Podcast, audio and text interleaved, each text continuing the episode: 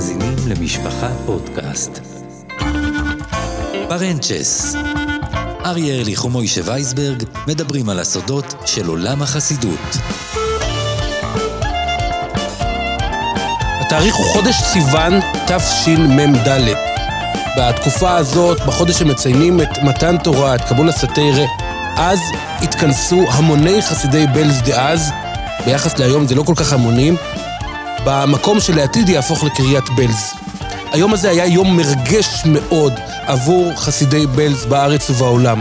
זה היה היום שבו לאחר ההשתקמות של החסידות בארץ הקודש תחת שרביטו של קדוש השם מרן רבי אהרון מבלז ותחת הנהגתו של ייבדל לחיים ממלא מקומו הרבי מבלז שליטה בתחילה בבית כנסת קטן ב- ב- ליד זיכרון מוישה וישיבה קטנה ברחוב אגריפס, ודירה ברחוב גשר החיים בירושלים, הכל קטן, וסוף סוף בלז יוצאת מן המיצר אל המרחב, ויורה את אבן הפינה למה שיהפוך ברבות השנים למרכז העולמי של חסידות בלז. השתתפו שם כל מרנן ורבנן גדולי ישראל, א' שמחי מיגור, ומרן רב שלמה זלמן אוירבך, ועוד ועוד מגדולי ישראל, השתתפו במעמד הזה של יריית אבן הפינה.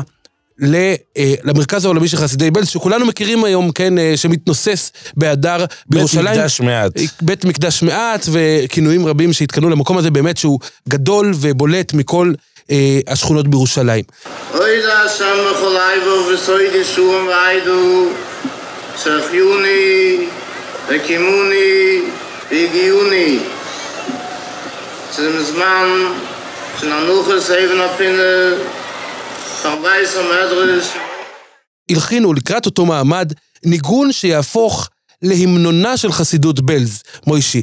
והניגון הזה הוא, המילים שלו הן בלז וזיינה וינקל פרטוירי נירס שומיים ביז מושיח ותקימן. בלז, בלז, המילים הן בעצם, בלז תהיה פינה לתורה וליראת שמיים עד ביאת המשיח. כהבטחת שולם מבלז. וזו הייתה הבטחתו של השר שולם מבלז, ואם תרצה מוישי, ולכן פתחתי באמת בסיפור הזה, קודם כל, שזה מספר באמת את ההתעצמות של בלז. 16 שנה ערכה מלאכת הבנייה של, ה... של המרכז העולמי, מתשמ"ד עד ממש, אנחנו שנינו כבר זוכרים את חנוכת הבית, אבל...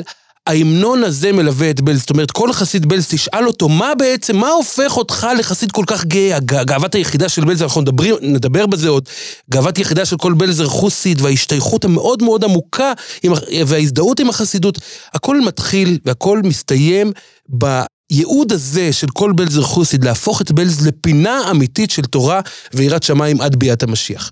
עכשיו מוישי, בואו אנחנו נדבר באמת על הנהגה של, אה, של הרבי מבלז, ולאחר מכן אנחנו נצלול היסטורית וניגע בעוד זוויות של חסידות בלז. אתה שמעת פעם על הגראמר החסידי יוינוסן שוורץ מארצות הברית? בטח, מי לא שמע על הגראמן הזה, נו, בינוסון שוורץ אה, בקליפים, מי שבכל אה, בורה פארק, יש לו גם חנות משחקים נדמה לי, אדם מאוד מאוד שנכנס, יודע, בעקבות הטכנולוגיה המתקדמת. כן, כן. הוא מחזק אנשים, מספר סיפורים מרגשים. מביא אנקדוטות מעניינות מהרחוב, מזוויות שונות, באמת אדם נחמד מאוד. מלכישרן גדול. ובבורפאק מכירים אותו יפה מאוד, הוא יודעים, אה, כמו שאמרתי, הוא חרזן וגראמר, אמרת את זה, ולפני תקופה הוא הפיץ איזושהי רצועת שמע שרצה בכל מיני קבוצות חרדיות, ובהקלטה הזו הוא סיפר בעשר דקות את כל סיפור החיים שלו, סיפור חיים מטלטל מאוד. רציתי להשתתף איתכם משהו אישי מאוד. שם שלי יונתן שוורץ, בארצות הברית אני הרבה יותר מוכר, בארץ אני פחות מוכר, אני יליד הארץ, ונולדתי בירושלים. התייתמתי בגיל עשר, עוד לא הייתי בן 11. אמא שלי נהייתה חולה כשאני הייתי בן שבע וחצי. ילדות קשה ביותר, באמת ילדות קשה היה לי. אני הילד שעליי כל המלמדים אמרו, לעולם לא יצא ממך כלום. אני הייתי הילד, שאם הייתי בא הביתה והייתי אומר, מלמד נתן לי סטירה, הייתי מקבל עוד אחת, עוד שתיים. ילדות קשה ביותר. הוא מספר שגם כשהוא נכנס ללמוד בישיבה קטנה, הוא היה נוהג להתקשר בשעה מאוחרת למלמד שהציק לו. המלמד כעס עליו מאוד, ואז המשגיח עלה עליו שהוא התקשר, והמשגיח קרא לו באמצע הסדר והיכה אותו. בקיצור, הוא עבר ילדות לא פשוטה, ואחר כך הוא התחתן, וגם הנישואין לא עלו יפה. בקיצור, הוא מספר אה, את סיפור חייו, ואז הוא אומר, יום אחד חלה תפנית בחיים שלי, וזו תפנית שעד היום אני חי בזכותה. זה מה שמחזיק מחזיק אותו היום, הוא אומר, זה שהיום אני מחזיק חנות עם 40 עובדים ואני גראמר מצליח ואיש משפחה למופת, הכל השתנה מקצה לקצה בזכות רגע אחד ששינה את חייו. ואתה יודע, מוישי, מה היה הרגע? מרן האדמו"ר מבעלז. יפה, כאן אנחנו מגיעים לפאנץ', הוא מספר ככה, זה היה בחג החנוכה לפני 32 שנה. השתתפתי במעמד הדלקת הנרות אצל מורי ורבי, כבוד קדושת האדמו"ר מבלז. הרבי יצא מבית המדרש, ערוב אגב, צריך לומר, בבלז אומרים ערוב. כן, כמו החסידויות הגליציאיות, שהרבה הוא בעצם ערוב, הרב של... ערוב הרב- ומרש. כן, מרש זה הכינוי הפנימי באמת בכתבי בלז. ערוב יצא מבית המדרש, והחסידים נעמדו בשתי שורות, ואני עמדתי שם בחליפה שלא הייתה סגורה עד הסוף. כשערוב עבר לידי, הוא ראה את שעון הכיס שבלט מהחליפה שלי, שעון זהב, הגולדן זייגר. אתה יודע, יש חסידים שנוהגים לא לענוד שעון יד, אלא יש להם שעון עם שרשרת שמשתלשלת מהכיס של הווסט, אז היה לו כזה שעון. החסידים הוותיקים, היום כבר, כן, היום בדור שלנו. כבר... אה, יש עוד כאלה. כן, כן, ואז הרבה. הבחין ככה בשעון שמבצבץ מהווסט של אה, יוינסון שוורץ.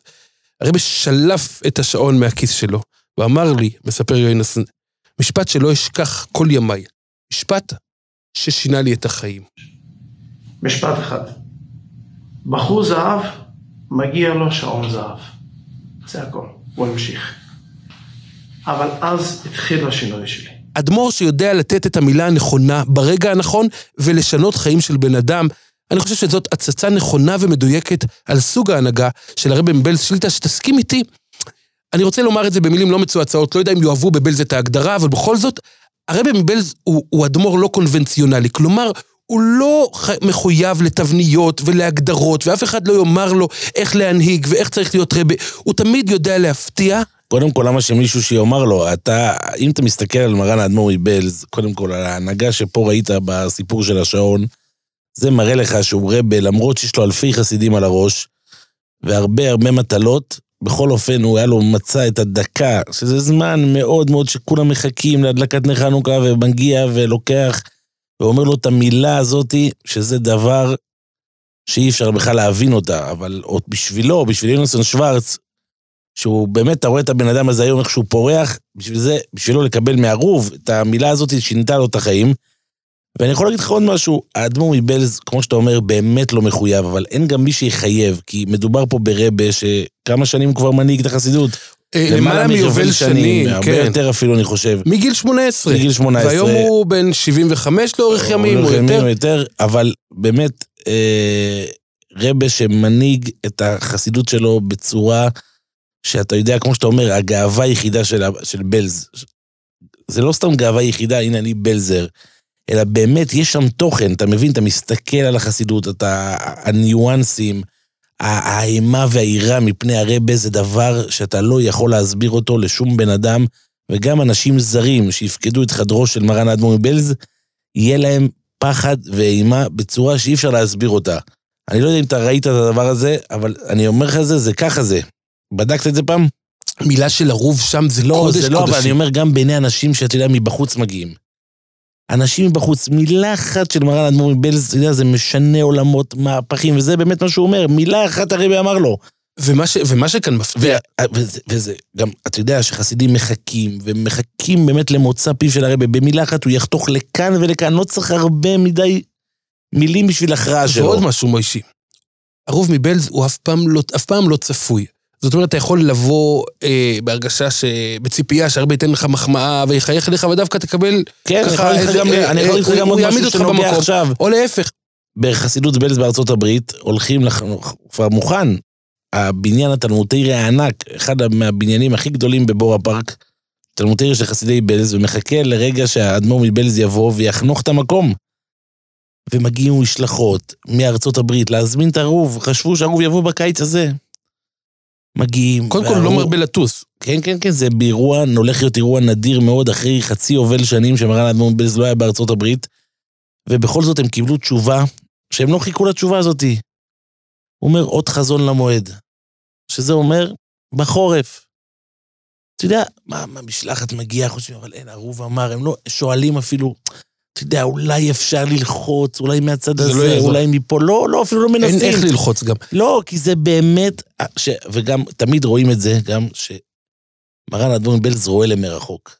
בסופו של יום, אתה רואה את זה שבהנהגה שלו, ואני אומר לך עשרות סיפורים, ולא תגיד לי מויפסים, ובוואי לפלא, וכל הדברים האלה. אתה רואה את זה בהנהגה קודם כל, מימית, שאין לה שום הסבר. קודם כל, הפיקחות של האדמו"ר מבלז ידועה על שם דבר. באמת, אה, אה, אנחנו לא, מי אנחנו שאנחנו נכתיר או, או נשים בתבניות, אבל אנחנו יודעים שבאמת, אם אתה רוצה לשכת גזית של מנהיג ציבור, מנהיג רוחני, שבאמת יודע לחתוך הכרעות מתוך ראייה כוללת, מתוך ראייה רוחבית, בלי לשים לב למה אומר העולם ומהם מוסכמות העולם, אין ספק שהבית ברחוב דויבר שולו, עם איזה מספר? דובר שלום... דובר אה, שלום אחד יש- אולי? השאלה אם אתה דובר נכנס לבינת יששכר גם. בדיוק. עכשיו, לא, אבל כמו שאתה אומר, עכשיו רגע, מוישי, זה מאוד מעניין, הרבן בלז לא מדבר הרבה. הוא לא מדבר... הנה, מה שאמרתי. אבל... מילה אחת שלו, בדיוק. חותך את הכל. ויש, ויש, מוישה, אתה בטח מכיר את הבדיחה הפנימית שמסתובבת בבלז, שאומרת, אתה לא רוצה לצפות שתזדקק ליחס מערוב. זאת אומרת, אם הרבי מבלז מתייחס אליך באופן מיוחד, סימן שאתה זקוק לזה, סימן שיש לך איזושהי בעיה. כי אם אתה איש מוצלח וזה, אז הפוך, הרבי גם ייתן לך איזה צ'אפ, יעמיד אותך במקום, ימצא את הדרך לתבוע ממך ליותר, שלא תרגיש, שלא תטפח לעצמך על השכם ותאמר סיסו בני מאה. לא, מה? תמשיך, וזה באמת מאוד מעניין. רוב חסידי בלז, אין להם קשר שוטף ויומיומי עם הם הרבי לא שלהם. צריכים גם. הם נכנסים כמובן בזמנים מיוחדים, לפני הימים הנוראים עם קוויטל וזה, אבל אין להם קשר שופ- שוטף, אבל מה, מוישי? כל חסיד יודע שאם חס וחלילה הוא ייקלע לאיזושהי מערבולת בחייו, הרבה יהיה שם לצידו. סיפורי שלום בית, סיפורי חינוך ילדים, סיפורי קריסה כלכלית. ברגעים האלה, הרוב מתייצב לימין החסידים ולא באופן רק טוטאלי. לצידו, אלא הוא ייקח את זה בצורה הכי, אם זה סיפור כואב, בצורה הכי קשה וכואבת, והוא יטפל בזה ויבקש שיטפלו. הוא יכול לגייס ואגב, לך עשרות אלפי הזכרת- דולרים, לגייס עסקנים ולרתום אנשים שיפעלו למענך. סיפור שדווקא שמעתי לאחרונה, כמו שאתה הזכרת עכשיו על הנושא הזה של אה, שאם תזדקק להיות בקשר עם ערוב. כן. סיפור מאוד מאוד, אה, שהרוב רצה לחזק אנשים שצריכים קביעות כל יום ללמוד, זה חוק ולא יעבור. הוא שמע על כמה אנשים בחסידות שהתרשלו בזה.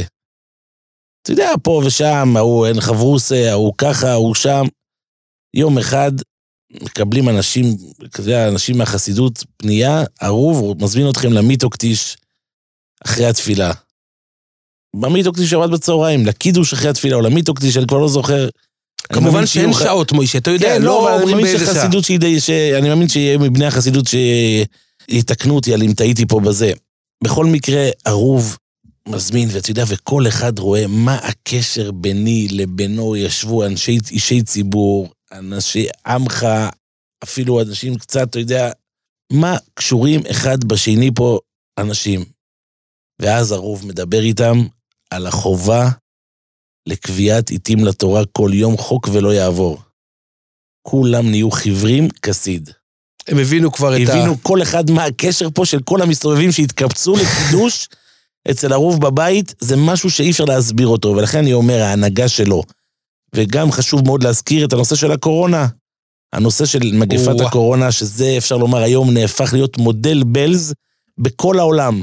מבריטניה ועד ממשלת בנט אה, שאשא ביטון, לחיות לצד עושים הקורונה. המודל של מרן האדמו"ר כן, אבל מבלז. צריך לומר, צריך לומר, מוישה, כאן צריך לומר מה, מה מה? הסביר הרבי מבלז. הרבי מבלז לא צריך הסבר לאף אחד, היה דבר פשוט מאוד. בעיות נפשיות אה, אה, לטווח ארוך, שאנשים עלולים לסבול מהם למשך שנים. זו הייתה גישתו. אני מסקר חצות חסידים שנים רבות. לפני פורים, התקשרתי לשאול חסידויות, אז התחילו לדבר כמה יהיה הגבלות אה, בטישים, כמה יהיה זה. התקשרתי לבלז, אמרו, תשמע, אני אומר לך, אומר לי, בן אדם ערוב, תדע לך, אין לו מנוחה מהדבר הזה שנקרא קורונה. לפני המסיבת עיתונאים עוד של ליצמן עם הספודיק במוצאי פורים. כן. אמרתי לו, מה... הוא אומר, אין לו מנוחה, תדע לך, הוא אומר, יהיה פה אבדות בנפש, סיפורים, גירושין, דברים ש... אמרתי, תשמע, לא יודע מה להגיד, אתה יודע, כולם רעדו מפחד, מה הולך להיות. בפורים עוד לא, אבל... ואני אומר לך, לאורך כל הדרך, מה האדמו"ר בלז... ואמר לשמור גם, אתה יודע, הוא אומר, היה, היה אנשים מגיעים לקבלת קהל, לא ניגשים יותר מדי קרוב, תמיד הוא אמר, אף אחד לא אומר ש... שחייבים לשמור. אבל לדעת לחיות עם זה לצד זה, כן? לא, ל... לא לאבד עשתונות. וזה ראו לאורך כל הדרך שהוא צדק מההתחלה ועד הסוף. כן, אנחנו עוד נדבר באמת על דרך ההנהגה המאוד מאוד ייחודית ומאוד מאוד עצמאית של הרבי מבלז. אני רוצה אבל, אה, מוישי, כדרכנו בואו קצת, ממש על קצה המזלג, נספר את הסיפור ההיסטורי, נקדים ונאמר מאיפה הכל התחיל. אז בואו נחזור אחורה. אנחנו בעצם חוזרים אל שנות השואה. כמובן חסידות בלז נוסדה הרבה קודם, במאה ה-19 בגליציה, בעיירה בלז. היום זה באוקראינה, אם אני לא טועה. אדמו"רי החסידות כיהנו בעצם עד היום לא רק כאדמו"רים. האדמו"ר, כמו שאמרתי, לא מכונה הרבה, אלא הרוב. זאת אומרת, אדמו"רי החסידות הם כיהנו ברבנות העיירה בלז, והתואר שלהם היה הרוב ולא הרבה, עד היום זה כך. הרוב של מחזיקי הדס, קהילת בלז זה קהילת מחזיקי הדס למעשה.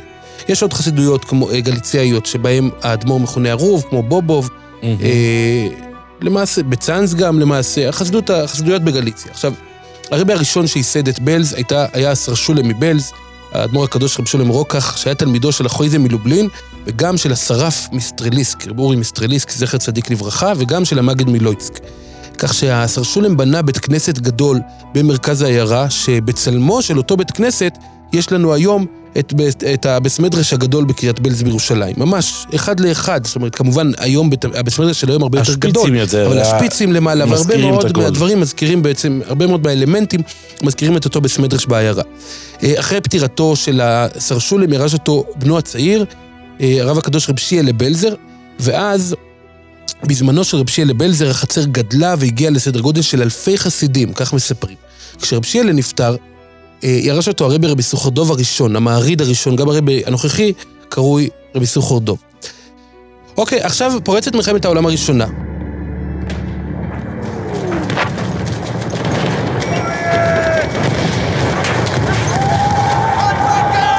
במהלך מלחמת העולם הראשונה, המעריד עוזב את העיירה בלז, ולאחר המלחמה הוא חוזר אליה ומשקם את בית הכנסת, אותו בית כנסת שאליו עורג כל חסיד בלז, ולכן הקימו בירושלים את אותו בית כנסת בעצם, בדיוק באותו תבנית. עכשיו, ואז נפטר המעריד והוא משאיר שני בנים.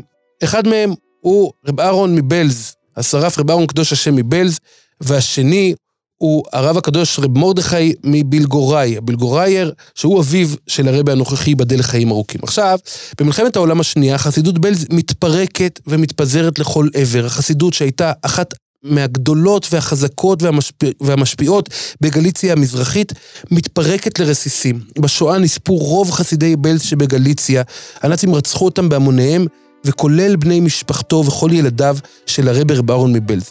רב אהרון מבלז נמלט מאירופה בעור שיניו, יחד עם אחיו רב מרדכי מבילגוראי, שלא עוזב אותו לרגע, והם עוברים מסע תלאות, עוברים בגטו בוכניה, ואז מבריחים אותם באמצע הלילה, הייתה דרמה שלמה של ההברחה באישון לילה עם איזה רכב, ואני מספר מה ששמעתי מאחד מזקני בלז לפני כמה חודשים, קוראים לו רב מרדכי ובר, הוא סיפר לי את כל ההשתלשלות, ספרים רבים נכתבו על מסע ההצלה של האחים הקדושים, ברון בלז נאלץ להתחפש. זה היה סיפור מאוד מאוד דרמטי, הם עברו גם דרך הונגריה וחיזקו שם את היהודים שהיו בחרדה ובאימה. הברכה בדרך לא דרך אה, כן. הייתה המסע הזאת. כן, אתה יודע שלאחרונה ממש הרבה השיק אה, שני ספרים שכתבו עבורו צוות של סופרים על הביוגרפיה של אבא שלו. גדולה סמורדכה. אה, כן, גדילה סמורדכה. עכשיו, וזה, ובעצם הביוגרפיה של אביו משתזרת כמובן בביוגרפיה של הדוד, הדוד הגדול רב אהרון מבלז. עכשיו, לאחר כל מסע התלאות הזה, כשרב אהרון מבלז בשלב מסוים אה, אה, נאלץ אפילו אה, אה, ללבוש בגדים של אישה כדי להסוות את זהותו, כי כמובן הנאצים חיפשו אחריו, חיפשו אחרי הרבינר הגדול שמנהיג את, אה, את, אה, את, את הקהילה, את האגדה הגדולה של בלז, ובסוף הוא מצליח אכן להגיע לארץ הקודש, שבר כלי, אבל רוחו נחושה והקדושה שלו, והסיפורים, הסיפורים, סיפורי המופתים הפלאיים, ולימוד הזכות על כל יהודי. רב אהרון בלז היה מנהיג קדוש שלא הסכים לשמוע מילה רעה על אף יהודי, אפילו לא ברמז.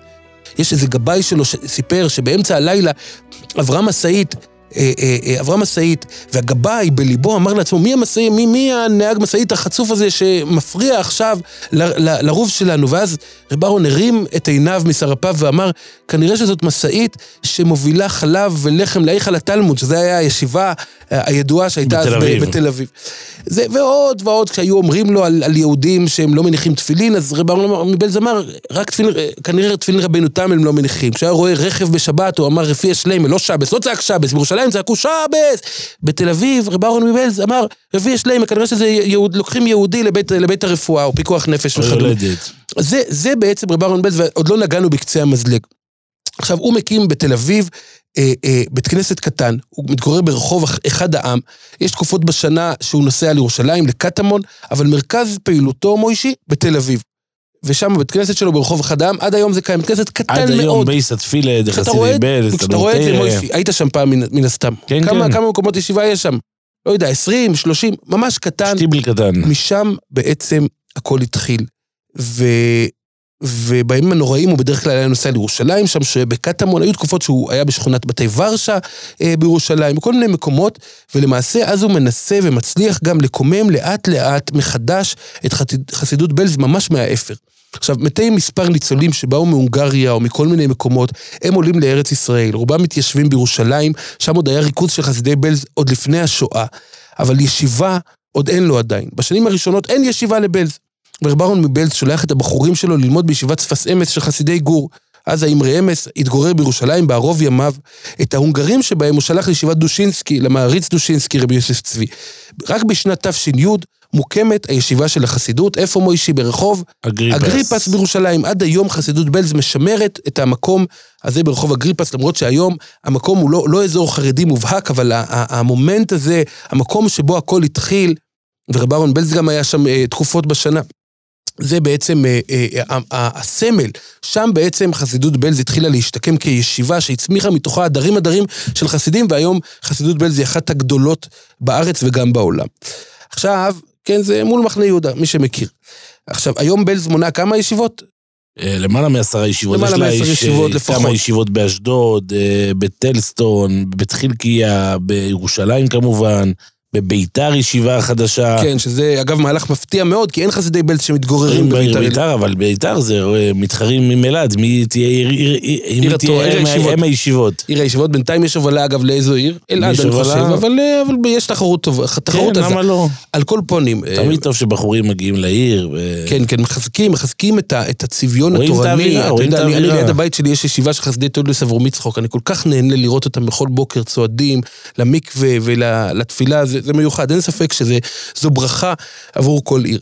על כל פנים, אנחנו מגיעים ליום הדרמטי מאוד, היום המר והנמהר, כ"א באב תשי"ז, היום שבו הסתלק הרבי הקדוש, רב אהרון מבלז. הלוויה ענקית נערכה באותו יום בירושלים, והיא הגיעה להר המנוחות, כי אז הר הזיתים היה כמובן תחת שלטון ירדני, כמה שנים לאחר קום המדינה, והוא מסתלק ומשאיר אחריו עדה שבורה ורצוצה, למעשה אין לו צאצאים ביולוגיים. אחיו, הבלגורייר, נפטר עוד בחייו, והוא גם סבל ייסורים, אבל הבלגורייר, מורדכם בלגורי, השאיר ילד אחד, שזה הרבי הנוכחי מבלז, רבי סוחר דויב. בן כמה הוא היה אז, מוישה, אתה יודע? בן תשע. בן שמונה, אני חושב. כן, שמונה, ילד בן תשע, נכון. הוא היה ילד בן תשע. כמובן, החסידים נשאו את עיניהם אל הינוקה, ידעו כולם שיום אחד הינוקה בן התשע, הוא ינהיג את החסידות, אבל זה לא קרה מיד, אלא רק לאחר חתונתו. בחודש אב תשכ"ו, אז הייתה החתונה הגדולה בין חסידות בלז לחסידות ויז'ניץ. עכשיו, כמובן, קדמה לכך תקופת הבחרות של הרבה מבלז, שאז הכשירו אותו גדולי החסידים, וכולם ידעו... גדולי וזקני החסידים, כן. היה באמת... אני חושב שלא היה רבה כזה שעבר, מה זה הכשרה? אתה יודע, מכל מלמדי השכלתי, אבל טובי טובי שמו את עיניהם על אותו ינוקה. כן. ינוקה כן. היום זה כבר שם כבר מדי... היום המושג הוזל קצת. הוזל אבל... קצת, אבל כן. אז אם אפשר להגיד ינוקה מפורסם, הכי מפורסם שיש, זה מרן האדמו"ר מבלז. כן, ואתה יודע... שהתחתן בחתונת ענק. כן. אם אתה רואה את תשדירי ה... כל העיתונות הישראלית, הישראלית של אז, ובשחור לבן, איך שחסידי, אתה רואה כבר את הסדרנים של אז, זה משהו 56 שנה. כן, כן, כן. עלה מרן האדמו"ר מבלז על כס ההנהגה. אבל בוא נאמר, אתה יודע, זה באמת חתונת ענק. ראיתי כמה סרטונים מארכיון המדינה שמתעדים את החתונה. החתונה הגדולה של השנה נערכה בבני ברק עם נישואיו של ברלה רוקה לשרלה, נכדתו של האדמו"ר מוויז'ניץ. על גבעה רמה שהוכשרה במיוחד למאורע, אמר החתן בן ה-17 ומחצה לכלתו הצעירה, הרי את מקודשת. רואים שם את חסידי בלז, הם לא השתנו הרבה מאז, אולי השטריימלך השתנו, גדלו כן. כמובן, אבל אותם סדרנים, אותם אנשים שמארגנים, ואיך שהרבא מגיע במונית מירושלים לחתונה, וכל ההכנות, זה באמת אחת החתונות ש... איך אומרים, לא היה מעולם בהיסטוריה, ובאמת... נסביר, רעייתו של מרן האדמו"ר מבלז היא בתו של בעל האישיס מוישה מוויז'ניץ, או, יפה. ונכדתו של מרן בעלה עם ריחיים. ששניהם היו בחתונה היו כמובן. חתונתם, וזו חתונה באמת הכי היסטורית שיש מבחינת כל איך שאתה מסתכל על, אה, על הדבר הזה, זה היסטוריה של ממש בעולם החסידות. אני לא חושב שיכול להיות עוד שידוך היסטורי כזה בעולם החסידות אי פעם. כשכולם יודעים שהחתן הוא רבה לעתיד. הוא רבה לעתיד, כן. לא רק לעתיד, למה זה הוא כבר רבה כמעט לכל דבר? אתה יודע, הכל התחיל. יש תמונה מפורסמת אה, שלו כילד בן שמונה על הקבר של דודו, הקבר הטדי. כן. הטרי גם של... ברכב וגם על הקבר. כן, ואתה רואה כבר אז את האצילות, את המבט, המבט לא אתה רואה, השתנה. רבי שיינקל אמיתי, מה כן, מה יש כן, לדבר? רבה בהתהוות. ובלי עין הרע מאז, אה, כבר למעלה מ-50 שנות הנהגה. ואני חושב שאין הרבה אדמו"רים שמנהיגים בלי עין הרע כל כך הרבה שנים במסירות. ואתה יודע, מוישי, הם- איך שואלים אלה שלא מבינים בהליכות החסידים, מה, איך, איך אדם לא נשחק כל כך הרבה שנים להחזיק באותו תפקיד? הרעננות, וכל יום ליצור אה, אה, עולמות חדשים, וארגונים חדשים. אז אתה רואה שמרן האדמו"ר. מבלז באמת הציב והקים ועדות, והוא סומך על אותם אנשים שהוא מפקיד בידם את התפקיד הזה. ובשביל זה, כמו שרי עשרות, שרי אלפים, והוא... הוא... הכל נוסע, הכל זז, וחסידות בלז, אתה יודע מה, אני רוצה להגיד לך משהו, היא חסידות עם הכי פחות גבירים. אם אתה מסתכל טוב טוב, אתה יודע, תמיד אומרים לך, זה החסידות, יש את הגבירים האלו, את הגבירים האלו, חסידות בלז, אולי תמצא את הכי פחות נגידים, וחסידות שמחזיקה מעצמה. אגב, הם היו חלוצי המצ'ינג. מצד, או, יפה. מצד שני... חלוצי המצ'ינג בשביל לבסס, אתה רואה כל פעם וכל... אתה יודע כמה שטיבלך כבר יש להם בבורה פארק? אתה יודע כמה שטיבלך באשדוד? זה חסידות הסוד? שהיא פורחת, והיא פורחת, וכל יום אנוך אסבן הפינה ועוד אנוך אסבן הפינה. חסידות שנוסעת בצורה שאני אפילו, אין, אין לי איך בכלל לבטא את זה מול חסידויות אחרות. משהו שלא רואים. כן, ואתה יודע, מה הסוד, מוישי? מה הסוד? איך, איך באמת אתה אומר חסידות בלי גבירים אה, מיוחדים, איך היא מצליחה להקים כאלה אימפריות, גם מבנים וגם להחזיק את כל המערך אנשים, המסועף הזה? גם החסידים שהוזילו מוישי, מעונם. המסירות של חסיד בלז לחסידות, בוא נאמר שחסיד בלז, אתה יודע, מי, זר לא יבין זאת, אדם מבחוץ לא יבין את זה. בשביל חסיד בלז, החסידות קודמת אפילו לבית שלו. זאת אומרת, הוא ייתן את הלחם והחלב שלו במובן של חיבור עמוק ושורשי, לא כי מישהו מאלץ אותו לעשות בדיוק. את זה. זה, זה החיים ואתה שלך. יודע מה, סמל החסידים היה רב סנדר פריד.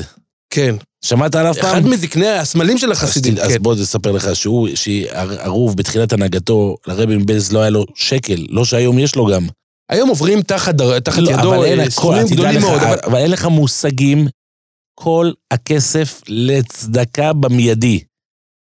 בנשקים, קשי יום, בדירתו של מרן האדום מבלז, תמיד הגבאי אפילו לא יודע כמה הוא צריך להכין בשביל הבא בתור. הוא היה מביא למרן האדמו"ר מבלז שיהיה לו כדי מחיה, כן? למשל היה מביא קפה מבלגיה. עד היום היה לו חזוקה שהוא עלה להתגורר בארץ, להכין את הקפה במוצאי שבס לרבה מבלז, עד פטירתו. איך התבטא אחד האדמו"רים בשיבה שלו? כל רבה היה רוצה שיהיה לו חסיד כמו רב סנדר. סנדר פריד. אבל אני אומר לך, מרן האדמו"ר מבלז לא היה לו שום פרוטה. כלום. היה פשוט, אפשר לומר, אני לא יודע אם להגיד לך אביון, אבל אדם שלא היה לו שקל. כן, רבים זוכרים, רבים זוכרים. מוישי, רבים זוכרים את הבית הפשוט ברחוב גשר החיים. אבל היום אתה יודע, היום אתה יודע שהגבאים, הם חוששים, כל פעם שיש על שולחנו של הרבי מבלז סכום כסף, שאיזה. גביר הכניס, של קוויטלח פדיוינס, הגבאים יודעים שבתוך שניות הסכום הזה ייעלם. ייכנס יהודי שבור לב לרבה, ויגיד לו שהוא מחתן את צאצאיו, והוא לא יודע ואין לו כסף, והבת שלו הולכת להתחתן ויש לו חובות. הרוב ייקח את כל הכסף שיש לו על השולחן, וייתן את זה לאותו גביר, זה יכול להיות סכום של אלף דולר, משמעי. של חמשת אלפים דולר. אין, אה, אה, באמת הרוב, המושגי הצדקה אצל הרוב מבלז, הם אה, מיוחדים במינם, באמת שאי אפשר אה, אה, למצוא לזה כמעט אח ורע. עכשיו, מי שרוצה באמת להבין את המהפך ואת ההתפתחות האדירה והכמעט על-טבעית שהתחוללה בחסידות בלז, באמת שאסור לשטיבל ברחוב יצחק שולל, למשל בירושלים, שם נמצא החיידר. שם היה, שם הכל התחיל, או לשטיבל ברחוב אחד העם, כמו שאמרנו, זה עוד יותר מדויק. מתי מספר אנשים היו מכונסים סביב הרבי הקדוש רבי אהרון מבלז, שהסיפורים עליו, כמו כבר אמרנו, אפשר לשבת לילות שלמים ולשמוע דברי סנגוריה שלו על עם ישראל, ועל כך שהוא מעולם לא היה מוכן, מוכן לקבל אף מילה שלילית על אף יהודי, ועל ה... באמת, יהודי קדוש, שהוא היה צורה, איך, איך הגדיר אותו הלובביץ' רבי, צורה בלי חומר. זאת אומרת, צורה קדושה, בלי, בלי, כמעט בלי גוף. הוא שקל 37 קילו. ושרף זה לא מילה, הנהגה תמירה מאוד, ושלא אכל ולא ישן. ואז, כאמור, מתי מספר מתכנסים סביבו, וזה גדל לאט-לאט. ואז בשנת תשכ"ו אנחנו חוזרים להכתרה הגדולה, ולכך, לרגעים שבהם מבינים ורואים איך מתחילה להתממש שוב הנבואה של בלז וזיינה וינקלפל תויר הנירת שמיים ביז משיח ותקימן.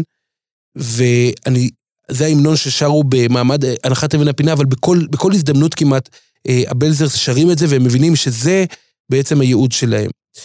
ובאותו לילה, י"ב בתמוז תשכ"ו, בגיל 18, הוכתר הינוקה מבלז במפתיע על ידי סבו, סב רעייתו הרבנית, שהיא פרק בפני עצמו, אנחנו עוד נדבר על הרבנית, שהיא בעצם מנהיגה בפני עצמה, כן? הרבנית מבלז.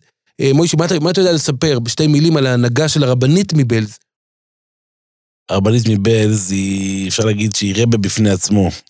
אם uh, רוצים באמת להגדיר אותה, היא גם uh, העול על עצמה, העול של החסידות, של נשות החסידות. אתה רואה באמת בכל מקום שהיא מגיעה, חסידים, גברים ונשים, מגיעים לבקש את הברכות שלה, והיא מברכת מכל הלב, בצורה באמת... אה, אני לא יודע איך להסביר את זה, אתה יודע, אתה רואה באמת כי גם בזכות אה, אבותיה הקדושים, גם אה, אישס חובר. היא מביאה את הנופך מכל- הוויז'ניצאי כן. לבלז, ה- ה- הלב הגדול של ויז'ניץ, הברכות לכל חסיד מכל הלב, ובעצם זה, זה הנהגה בפני עצמה, והיא בעצם, היא, היא, היא בת שלה אישס מוישה, ונכדה שלה אמרי חיים, ובחתונה בעצם נוצ, נוצר הקשר בין חצרות בלז ו- וויז'ניץ. ו... ו- ו- וכל גדולי ישראל בעצם באותו דור היו מעורבים ו- ודחפו למינוי של הרבה וחיכו לרגע שבו בלז תחדש את נעוריה תחת הנהגתו של הרבה הצעיר, גם הבית ישראל, הבית ישראל מגור היה מעורב בזה ו- ודחף את חסידי בלז לזרז את ההכתרה ובחורי הישיבה של החסידות אה, השתתפו והתרגשו ומוישי, איפה עושים את המעמד באופן סמלי? על הקבר, על הציון של דודו רב אהרון מבלז בהר המנוחות בירושלים. ובמעמד הזה, על הציון בהר המנוחות, הוקרא כתב ההכתרה של הרבי מבלז וזקני החסידים, ובהם הרבי הישיש מיברוב, שעוד הכיר אינדרהיים, בעיירה בלז, את, ה, את גדולי החסידים ואת מורי בלז, כולם הגישו קוויטלך ל- לרבי הצעיר, ובליל השבת הראשון לכהונתו, בשבס נחמו, הרבי עורך את הטיש הראשון בפני אלפי חסידים בהיכל הישיבה ברחוב אגריפס בירושלים. ועכשיו, כבר בתחילת ההנהגה, האדמו"ר מבלז מסמן את הטריטוריה שלו כמנהיג. לא אומרים לו איך לנהוג, ולא אה, מכתיבים לו דבר, כמו שחושבים לעצמם לפעמים אה, חסידים ותיקים, שאומרים, בסדר, אנחנו נחנוך את הרבה, אנחנו נאמר לו, נעביר לו את המסורות. לא. הרבה מבלז בעצמו מנהיג. ומנהיג לבד.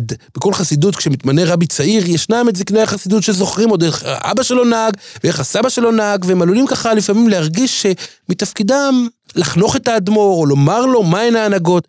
והאדמו"ר מבלז, וזה גם סיפור ההצלחה שלו, אף אחד לא יאמר לו איך להנהיג אני לא ומה חושב להנהיג. שזה אף אחד לא יאמר לו, אלא החסידים בעצמם התבטלו בפניו אז אני חייב לומר לך. מוישי, נכון מאוד. הכי הרבה.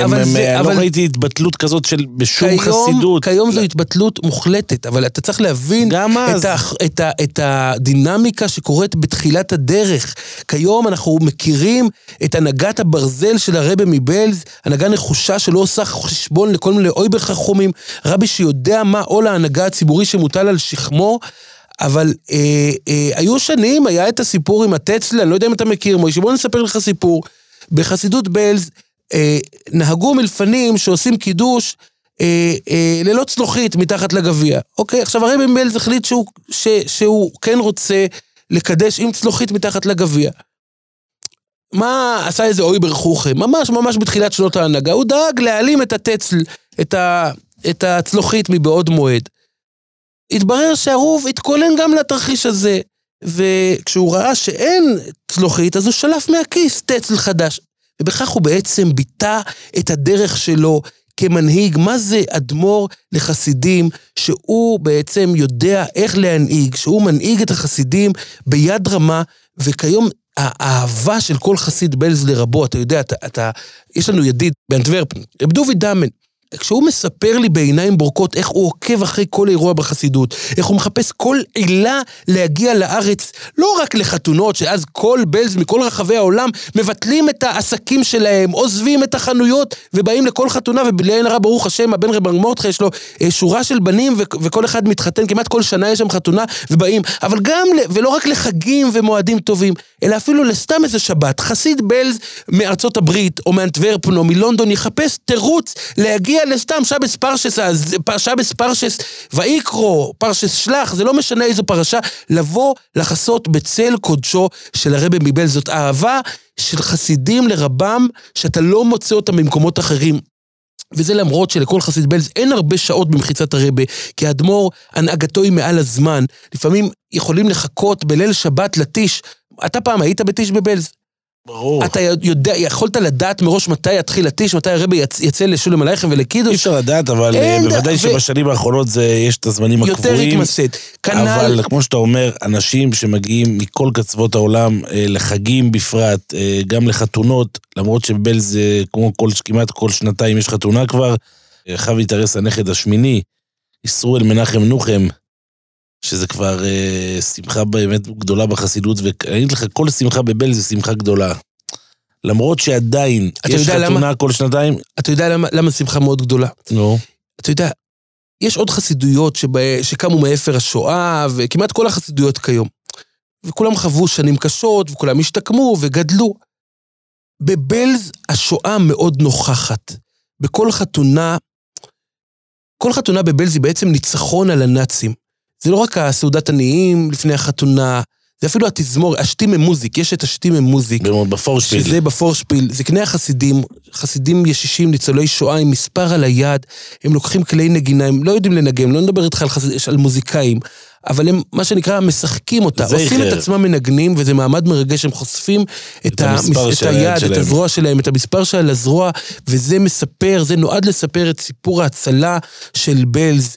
כי, כי תמיד יזכירו את זה בבלז, איך הרבי, איך הרבה, רב אהרון מבלז נמלט יחד עם אחיו מהשואה, ואיך הקימו הכל מהאפר, ואיך תראה איך שאי סביב עינייך וראי כולם נקבצו באו לך, איך החסידות גדלה וגדלה, ואתה שואל באמת חסיד בלז, אתה יודע, בעבר, בעבר הרחוק, חתונה בבלז הייתה מאורע נדיר, מאוד נדיר, לרבה יש רק בן יחיד, והייתה למעשה רק חתונה אחת ויחידה במשך עשרות שנים, זו החתונה של רב מורדכי, הרב הצדיק רב מורדכי, הבן של הרבה, אבל רב מורדכי בלי עין רעה יש לו שורה של צאצאים, ולכן פעם בשנה או פעם בשנתיים יש חתונה, ועדיין אתה רואה המוני חסידי בלז שמגיעים מכל מקום בעולם. אף בלזר חוסיד לא יוותר על חתונה בחסידות. הם יעזבו הכל כדי להיות בחתונה, והכל בעצם, כולם, אתה שואל אותם, מה ההתרגשות הגדולה? חתונה בבלז זה לא מאורע נדיר כיום, ואז כולם מספרים לך את אותו סיפור. הם חוזרים לסיפור הזה, לניצחון על הנאצים, להקמה של הכל מאפס, החסידות הזאת שרצו להכחיד אותה, איך רב אהרון מבלז נמלט בעור שיניו יחד עם אחיו,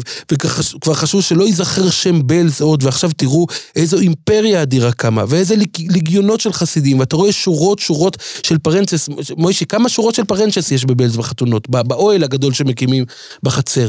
אם כי בחתונה האחרונה זה כבר היה בארנה, מדובר, מדובר באמת על שורות ארוכות של פרנצ'ס, אגב, שמוקמות בצורה הכי בטיחותית, בבלז הבטיחות היא מעל הכל. אם אתה נכנס אל העולם הפ- הפנימי, עולם המושגים הפנימי של בלז, ואז אתה מבין את גאוות היחידה הזאת, וזה משהו שמאוד מאוד אה, אה, אה, לא מצוי. העובדה שגם 80 שנה אחרי השואה בבלז חיים את התודעה הזאת, איך אנחנו ניצחנו, איך אנחנו קמנו ואיך אנחנו אה, גדלים. עכשיו, מוישי, עוד משהו שהוא מאוד מעניין בבלז. בדרך כלל אנחנו מכירים חסידויות שבהן לצד גאוות היחידה יש גם מעין כזאת אה, יחס מתנכר לפרמדרס, לזרים. בבלז זה לא קיים, אני חייב לומר, בבלז מקבלים כל אדם במאור פנים.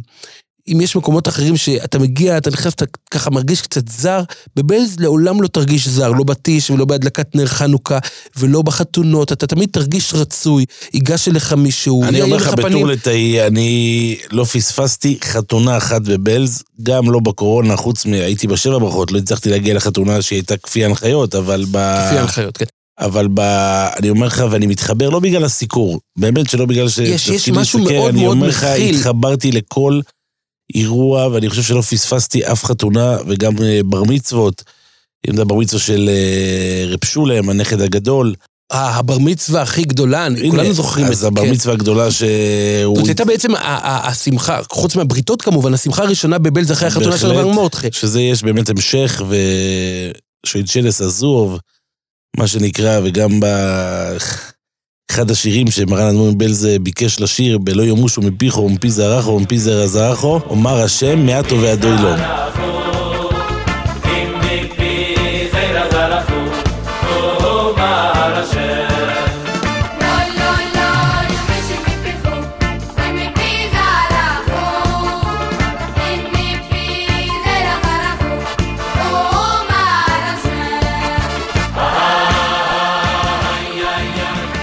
המון המון ניגונים שהם נכסי צאן ברזל. מקיאטו מלך מלכי המלוכים, והובינו מלכנו, פסח ותהיה השוע הזו. תהיה השוע הזויס שהולחן, מתי, מתי הולחן הניגון הזה? תהיה השוע הזויס, כמדומני בחתונה של רב מורדכי, אם אני לא טועה, אנחנו נבדוק את זה. או בחנוכת הבית. אבל אני רוצה לומר לך, מוישי, שה... אתה יודע מה, הקו שתדעי, שם בבלז, יש שם הנה, המון כל מניינים. אחד נכנס, אה, כל מי שרוצה, אבל לא- לובשים מעיל עליון. כן, חייבים. יש, חייבים להתאים, האדם שמבקר בבלז צריך להתאים את עצמו לתקנות של בלז. זאת אומרת, לבוא עם מלבוש עליון, עם כובע, ללבוש גרטל בתפילה. כמובן, כל הדברים האלה מקפידים עליהם מאוד, אבל מוישי, כל אחד ירגיש שם רצוי. השטיבלח של בלז זה אחד השטיבלחים הכי גדולים אה, אה, אה, בארץ, אולי הכי גדול. גם יהודים ש, שהולכים להתרים, משולוחים, שבאים להתרים, מקימים שולחן, קרן, לאלמנה, ליתומים, להכנסת כלה. נכנס שם הכי הרבה כסף, אה, לפחות מהגדולים ב, ב, אה, בארץ, כי באמת יש תודעה גדולה מאוד של חסד. זאת אומרת, מצד אחד, בלז קח את חסידות... הקופת צדקה שלהם, אהבס חסד. אהבס חסד, נכון. עכשיו, זאת חסידות שמצד אחד לא מחפשת הכרה ולגיטימציה, כי כבר דיברנו על גאוות היחידה הפנימית, וגם אחרי שנים של פוליטיקה פנ- פנים חרדית, בוא נאמר שבלז אף פעם לא הלכה בתלם החרדי הרגיל מבחינה פוליטית ציבורית. בהתחלה בלז השתייכה לעדה החרדית, ממש ממש בהתחלה.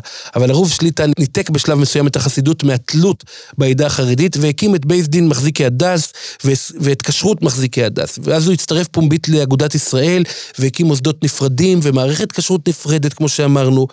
ויש כאלה שזוכרים אגב את ה שטייעדיגע תורה של מוצאי שמחת תורה תשמ"ב, ששם האדמו"ר חידד את המשנה שלו מול משנת סאטמר.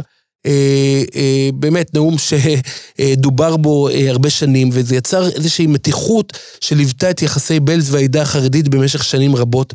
וגם הקשר עם אגודת ישראל לא תמיד היה מובן מאליו, כי היו בחירות שבהן... בתשמ"ט, בלז בתשמ"ט, הלכה יד ביד עם מרן הרב שך דגל ודגל התורה. דבר ש...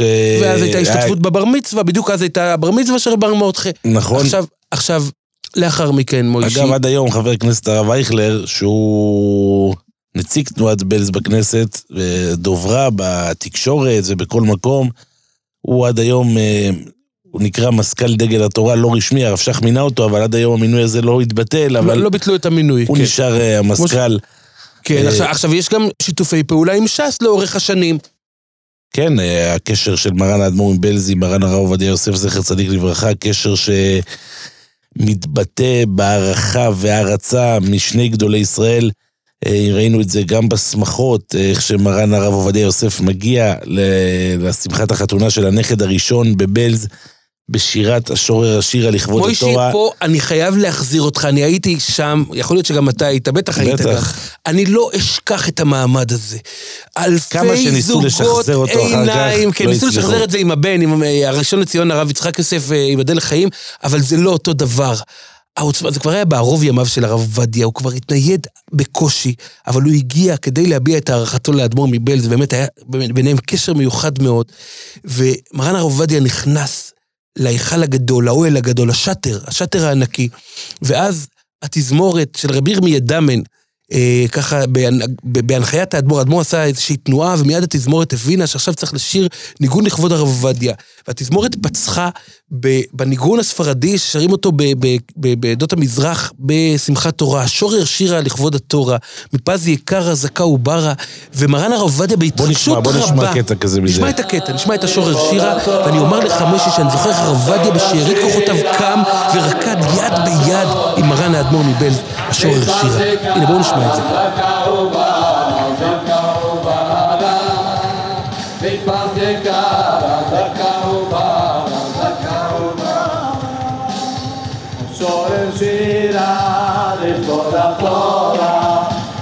Buonasera e buona tola, il papi mangiaga, zakao bara, zakao bara, il mangiaga, zakao bara, zakao bara.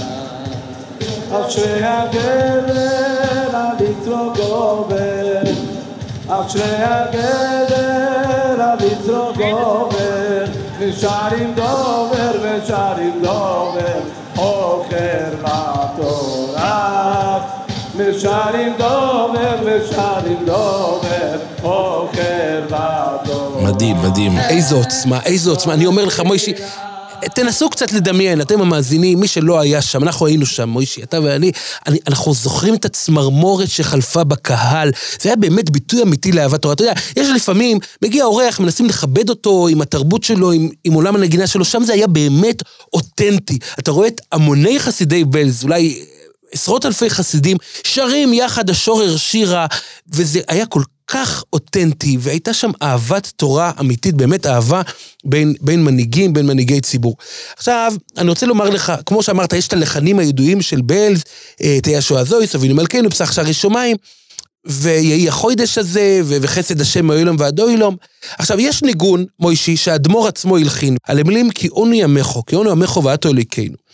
ואני הייתי באחת החתונות של בלז, אני לא זוכר של איזה בן, אחד מהבנים שהתחתנו לפני, בוא נאמר, ארבע שנים, כן? חתונה שנערכה עד אור הבוקר, אני השתתפתי שם.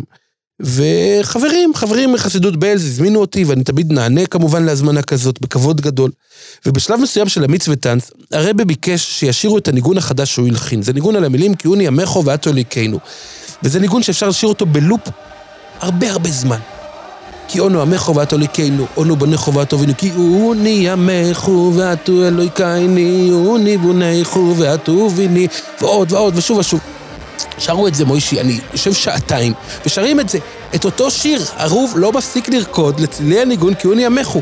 לפני כן האדמו"ר היה, ישב עם המשנייס שלו, שאתה אתה מכיר אותו, לפעמים הוא יושב ב, ב, בחתונות, וכולם ש- סביבו רוקדים ושרים, והוא לומד משנייס, מתוך uh, ספר משניות קטן, אבל פה הוא קם למיץ וטנץ ושר את כי אוני עמךו, ואחרי שעתיים הייתי עייף כבר, למחרת היה לי יום עבודה. אז בשלב מסוים התעייפתי ונסעתי הביתה לביתר עילית. אבל אני הייתי מאוד מחובר, אני רציתי להבין מתי הולך להסתיים השיר הזה, מתי הולכת להסתיים השירה של קיוני עמךו, וכל הדרך ביקשתי מידידי רב דוד מורדכי דמן, שישאיר אותי על הקו, חייגתי אליו והוא השאיר אותי על הקו, ואני כל הדרך הביתה שומע שעדיין שרים את קיוני עמךו. אני מגיע הביתה מוישי, ארבע לפנות בוקר, אני כבר רוצה לעלות על יצואי, ועדיין לא סיימו את השיר. זה היה באמת רגע היסטורי בבלז, וזאת באמת גם הדרך של האדמו"ר לפעמים להעביר מסר לחסידים שלו דרך שירה, או דרך איזה נאום, או דרך איזה מהלך חריג שהוא נוקט בו, ואלה מסרים שהם מאוד מאוד דקים וסמויים שהחסידים צריכים לעמול כדי להבין את זה, ואז כל החסידים יושבים כדי לפענח מה התכוון ערוב כשהוא ביקש לשיר את הניגון הזה, או כשהוא שזר בשטיידי כתוירה איזה ביטוי מסוים, וכן הלאה והלאה.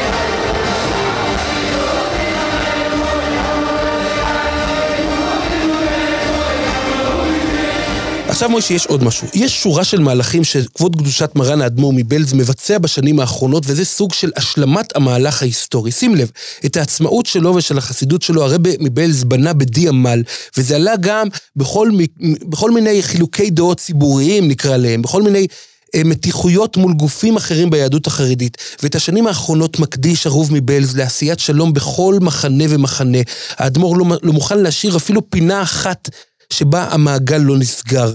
באמת, אפשר לומר, הרבי מבלז הוא מלאך השלום בשנים האחרונות, גם מול החסידות בהנהגת אה, בן דודו, כבוד קדושת האדמו"ר ממחנוב כבלז, שמנהיג קהילה יפה, שגם ממשיכה את הדרך הבלזאית בבני ברק עם שלוחות בלונדון ובעוד מקומות בעולם, וכיום מי שרואה את ההשתתפות ההדדית בשמחות, את הידידות העמוקה, באמת כאילו האדמו"ר מבלז נותן, אה, מתייחס לבן דודו כמו נצר אמיתי שמנהיג אה, אה, אה, עוד זרם בשושלת של בלז, והיו שנים שהדבר הזה לא היה מובן מאליו.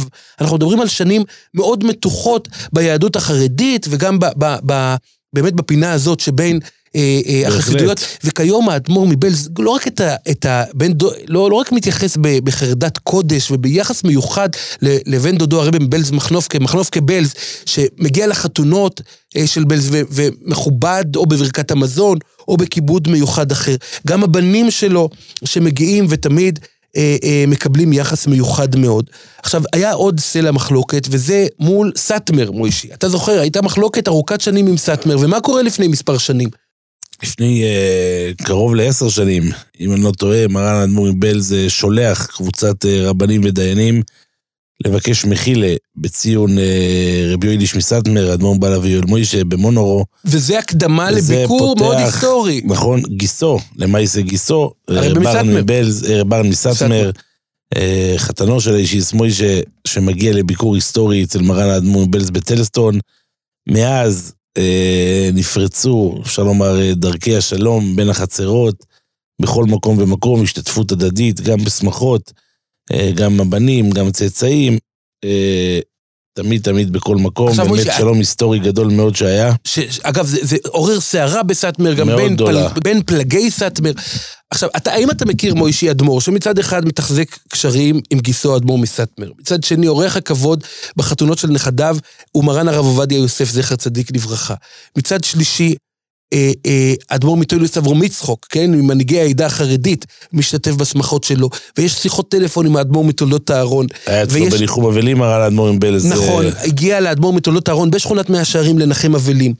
וביקור היסטורי נוסף, שגם כן עורר התרגשות גדולה לפני מספר שנים, החויזר מחב"ד, אה, אה, רבי יואל קאן, החויזר, הרב הגאון, החסיד רבי יואל קאן, מבקר את האדמו"ר, ביקור שאורך שעה ארוכה מאוד, שבה הם משוחחים, האדמו"ר והאורח שלו, בתורה ובחסידות, והייתה שם... בעצם זה לא היה סתם ביקור, היה שם, הייתה שם מעין אמירה היסטורית, כי בין אה, חסידות בלז לחב"ד שררה מתיחות שהתחילה בתשמ"ט, באחת מהבחירות שבהן בלז תמכה בדגל התורה, ואדמו"ר מבלז מונה, אגב, לחבר במועצת גדולי התורה של דגל התורה. מינוי שגם עד היום לא פקע רשמית, אבל בפועל האדמו"ר משתתף בישיבות המועצת של אגודת ישראל. עכשיו, וגם, באמת, אין, אין, בעצם לא נשארה פינה אחת. כל השנים הסוערות שבהן האדמו"ר סלל דרך לחסידי בלז, גם באופן שאולי לא אהבו אותו בזרמים אחרים, בפלגים אחרים, בחוגים אחרים, שחשבו שהם צריכים אה, פטרונות על בלז. כיום חסידות בלז חיה בשלום ובשלווה עם עם, כולם. הקהילות. וראשי ממשלות אה, אה, מכלים את פניו של האדמו"ר. וזה משהו שהוא מאוד מאוד כך אה, מעניין. בתקופת, אה, אה, מגפת הקורונה, שר הבריאות יולי אדלשטיין מגיע למעונו של מרן האדמו"ר מבלז. ומבקש שחסידי ואומר, בלז... אומר לאדמו"ר מבלז, כתוב, ונשמרתם מאוד לנפשותיכם. ואז האדמו"ר מדייק אותו ואומר לו, אומר לו, נפשותיכם? אתה שומע מה שאתה. אומר? עכשיו, אני, אתה יודע מה, אני רוצה להחזיר אותך לביקור של החויזר מחב"ד, כי אני הייתי שם וראיתי ככה מקרוב. ראיתי שאדמו"ר דאג מבעוד מועד שיביאו לו ספרים של רבי יואל קאן, של האורח שלו, של החויזר החב"די, והוא למד אותם, עיין בהם ולמד אותם כדי להיות מוכן, כדי באמת להיות בעניינים כאשר האורח מבקר. ואז כשהגיע רבי יואל, זה היה מוצאי שבת, אז דבר ראשון, האדמו"ר הציע לו כוס תה חמין במוצאי שבס מלוגמה. אבל אז האדמו"ר התחיל לשאול את החויזר החב"די שאלות שמהן נקרא בקיאות, לא רק בקיאות גדולה, אלא בקיאות טריה שהאדמו"ר רכש עכשיו. מי שיודע, הרוב מבלז הוא איש ספר אמיתי.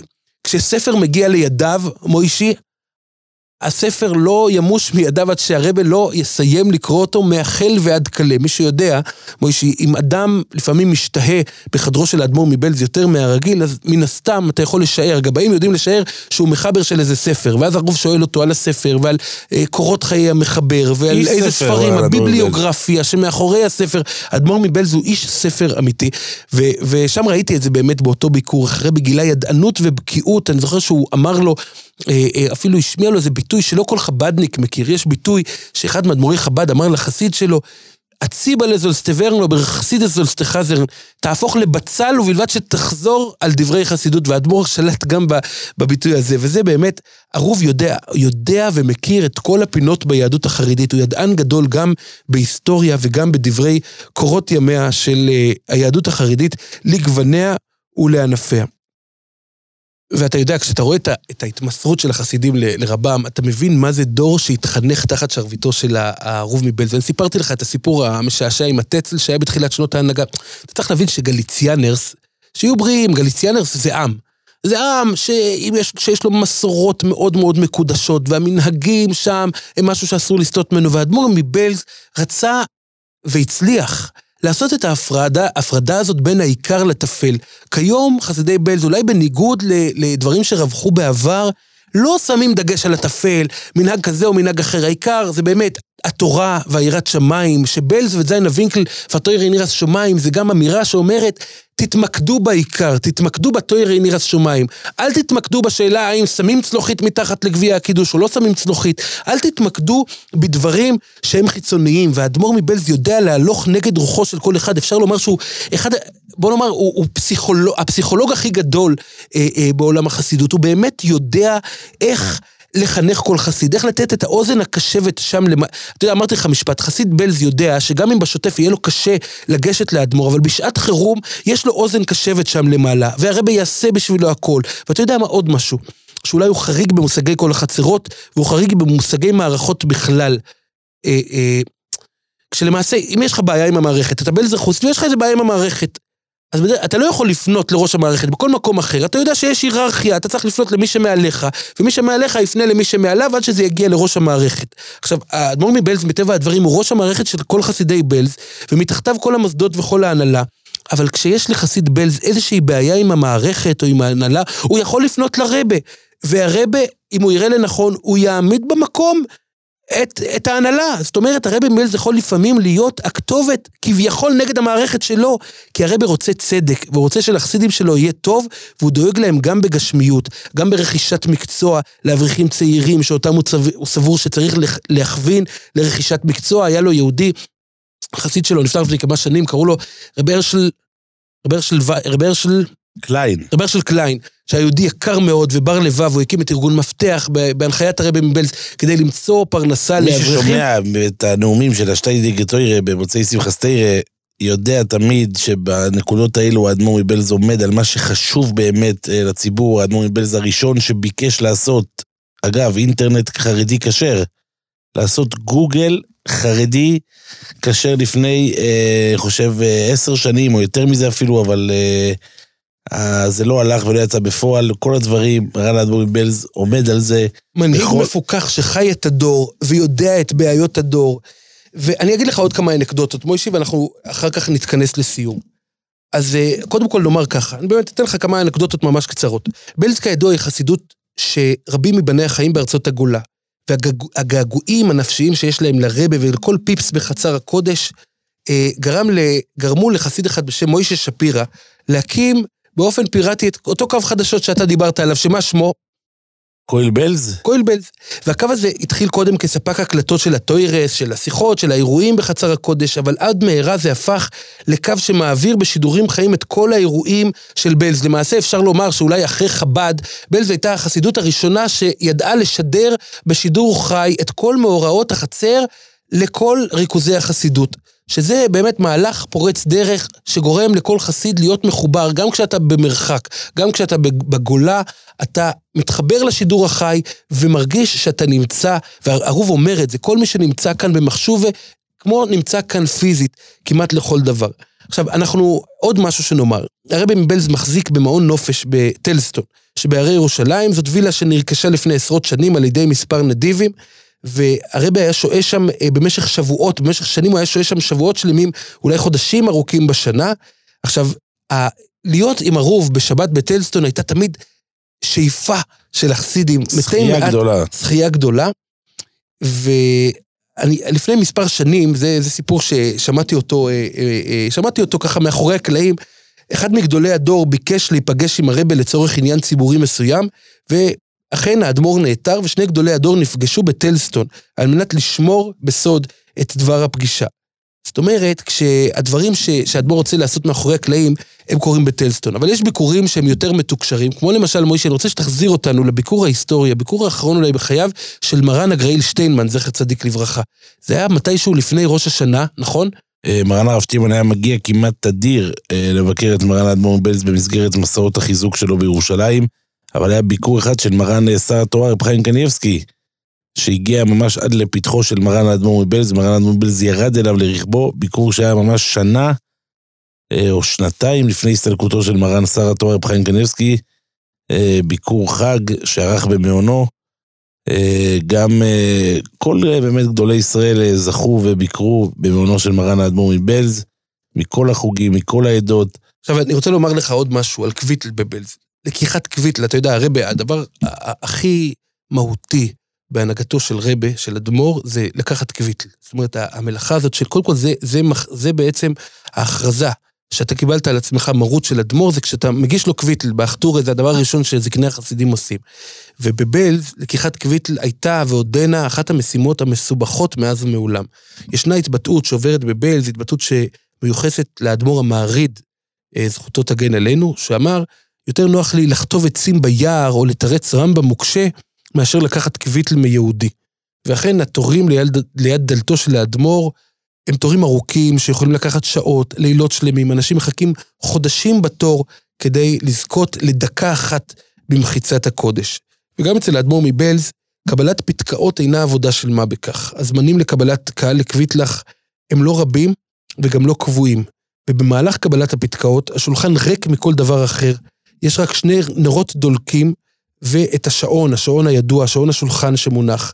וקבלת הקהל מתאפיינת בהפסקות רבות במהלכה, כשהדלת נסגרת בפתאומיות לשעה ארוכה, ולעיתים חלק מהממתינים נשלחים לנסות את מזלם ביום אחר. בחודש אלול, עד לפני מספר שנים היה נהוג שכל חסיד בלז נכנס עם כל משפחתו אל הקודש פנימה עם קוויטל. אבל כשהציבור גדל, אה, אה, אז הנשים כבר לא נכנסות, ובשנים שלאחר מכן גם הילדים כבר לא נכנסים, אלא כל ראש משפחה בעצם נכנס ומייצג את כל משפחתו. היום, אה, בשנים האחרונות, עכשיו, מה מתכנסים קרה בשנים האחרונות? נכנסים, יפה מאוד, חבורות קבוצות. חבורות, קבוצות נכנסות קבוצות, קבוצות, יש גם קבוצות. קבלת קהל בגרויסשים למטה. זאת אומרת קבוצות קבוצות, כי כבר אי אפשר מצד אחד לאזן, מצד אחד בין סדר יומו העמוס והלא מסודר של האדמו"ר, לבין הבקשות הרבות מאוד, הרבות מספור, להידפק על דלתו של הרבה. אבל כמו שאמרתי לך, האדמו"ר מבלז יודע להפתיע, ודווקא את האיש החלש, אותו לקבל, ולא לייחס, להקדיש הרבה זמן. כשאיזה עסקן גדול, חבר כנסת באגודת ישראל יבקש להיכנס לרוב, הרוב יפתור אותו בברכה והצלחה, ואז ייכנס איזה יהודי שבור לב, או אדם מסכן שחיבר איזה ספר דק. או בנשק. כן, בנשקים, האדמו"ר מאוד מכבד בנשקים, מאוד. הוא גם מאוד מעודד אותם להמשיך את המורשת, להמשיך את מאוד, המסורת. מאוד, מאוד.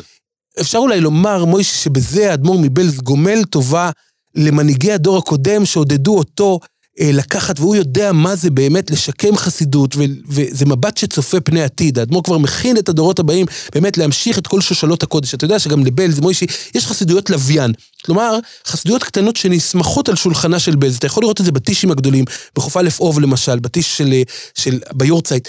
אה, אתה רואה אדמו"רים כמו האדמו"ר מנרול, שהוא תמיד נכון. יהיה שם, תמיד יהיה בטיש, ועוד אדמו"רים שהם בעצם נסמכים. אתה יודע, מי היה אחד הידידים הכי גדולים של האדמו"ר מקליב, זכר צדיק לברכה? האדמו"ר מבלז. האדמו"ר מבלז השתתף במעמד הנחת אבן הפינה וחנוכת הבית של, של האדמו"ר מקליב ברחוב חנה בירושלים. זאת אומרת, העידוד ש...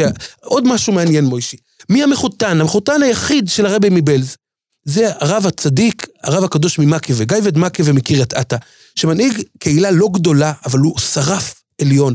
מי שמכיר את ההנהגות שלו בקודש. ואתה רואה בכל חתונה בבלז וכל אירוע, הם הרי הם, הם שני הסבים של כל אה, נכדי, של כל נכדיו של האדמו"ר מבלז, ואתה רואה בכל אירוע את המיץ וטנץ המשותף, ואת היחס המיוחד. אתה יודע, האדמו"ר מקווה הוא לא, הוא, בוא נאמר, הוא לא, הוא לא אדמו"ר גדול מבחינת כמות החסידים, אבל הוא אדמו"ר נערץ בהילולי קודש. ואתה רואה את היחס המיוחד בין חסידות שהיא בהחלט. אחת הגדולות בארץ, לבין מנהיג שהוא אה, צדיק נשגב, ויחד הם אה, רוקדים, וזה אחד המעמדים המ- המרגשים מאוד ב... בחסידות. עכשיו מוישי, עוד מילה, אי אפשר לסיים פרק על חסידות בלז בלי לדבר על השתאי דיקטוירה. מוישי, מה זה השתאי דיקטוירה? בואו ננסה להסביר, להסביר אה, בשתי מילים מה זה השתאי דיקטוירה. למעשה, זה קורה כל שנה במוצאי שמחת תורה, כאשר האדמו"ר מתווה קו לשנה הקרובה, והוא דורש מחסידיו להתחזק בדברים הטעונים חיזוק. זה יכול להיות בענייני טכנולוגיה, זה יכול להיות בענייני פרנסה, זה יכול להיות בכל מיני נושאים שהאדמו"ר רואה בהם צורך לחזק את חסידיו ולומר להם איך הם צריכים לחזק את דרכיהם. ואולי נסיים מוישי עם איזו נעימה בלזאית טובה ככה, שתכניס אתכם לאווירה של מה זה בלז, מה זה עולם הנגינה של בלז, מה זה טיש בבלז ומה זו גאוות יחידה בלזאית. רבותיי, בעניין הזה, מוישה, יש הרבה מה ללמוד מהבלזרס. להשתייך אני למקום חושב שלך עד לא הסוף, נגענו ולא בקצה להתנצל. קצהו של חסידות בלז, לא נגענו בשולי גלימתו של מרן האדמו"ר מבלז, כי על 56 שנה של הנהגה, לאורך ימים אפשר ושנים טובות. לדבר עשרות ואתה פודקאסטים. יודע מה, מוישי? אני רוצה לתמצת בהגדרה משלי את חסידות בלז, ולומר שחסידות בלז היא על יבויש מפני המלעיגים עולו. חד זה משמעית. למעשה תמצית הדרך הבלזאית. זאת בלז על רגל אחת, אם יורשה לי. ואם יש לכם הערות על מה שאמרנו, אתם מוזמנים לשלוח לנו, או למוישי, או לי, או לשאר הפלטפורמות האפשריות, כי אנחנו כאן כדי להקשיב ולשמוע ולתקן אם צריך, ועוד לפנינו הרבה מאוד פרקים בעזרת השם על עולם החסידות. אנחנו מקווים שנהנתם, ובואו נשמע איזה שיר בלזאי טוב, ונאמר שאם אתם מזדמנים באיזה ליל שבת לירושלים, לשכונות הצפון בירושלים, קודם כל תשאירו את השעון בבית, כי בבלז השעון הוא המלצה, ותלכו לבית מדרש הגדול ברחוב דבר שולם, להיכל הטישים, כן? ושם אתם תחוו. חוויה עילאית ומיוחדת במינה. תודה תחת רבה, אריה כנפיו ארליך. של האדמו"ר מבלז. תודה רבה מוישי וייסברג. אנחנו נהיה כאן גם בפודקאסטים הבאים בעזר השם, ועד אז, האזנה מהנה, והפרעי לך יום טב, למי שישמע את זה בערב שביעס.